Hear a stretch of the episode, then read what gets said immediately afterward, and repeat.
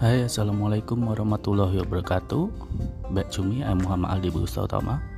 And my name number is 1910888100 and 34 So today we are going to practice about F. But now we will just review the paragraph. Okay let's get started. Review paragraph. Philip Fox was writing a letter to his girlfriend, Frances Fisher, who lived in Fremont, a nearby town.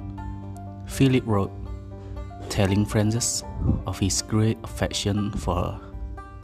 He said that he would follow her everywhere.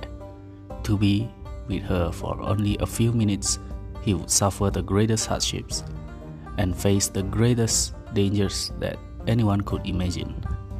Finally, Philip signed his name, then remembered that he had failed to mention something fairly important.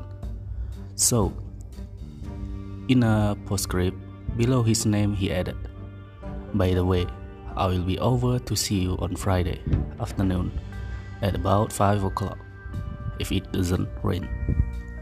So that's it. From my paragraph review, I'm Mom Ali Bagus Tatama. See you again